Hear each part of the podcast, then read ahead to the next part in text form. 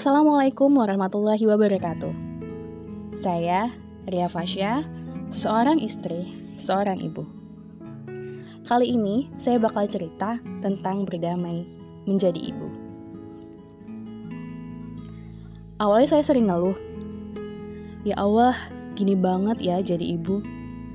Rasanya capek, waktu tersisa, bahkan fisik pun berubah. Tapi lama-lama saya sadar, letih saya sia-sia kalau nggak ikhlas. Ya, saya perlu berdamai menjadi ibu.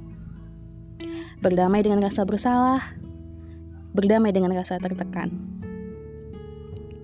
Peluk besar untuk para ibu yang saat ini mungkin baru menyelesaikan cuciannya, baru saja mendiamkan si kecil yang tantrum, yang sedang bekerja di kantor, dan sederet aktivitas mulia lainnya.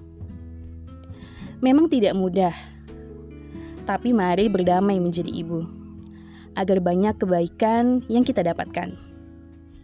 Semoga hidup para ibu dilimpahi berkah dan kebahagiaan. Percayalah, berdamai jadi ibu adalah menyadari jadi ibu adalah sebuah pilihan tepat untuk dekat dengan surga.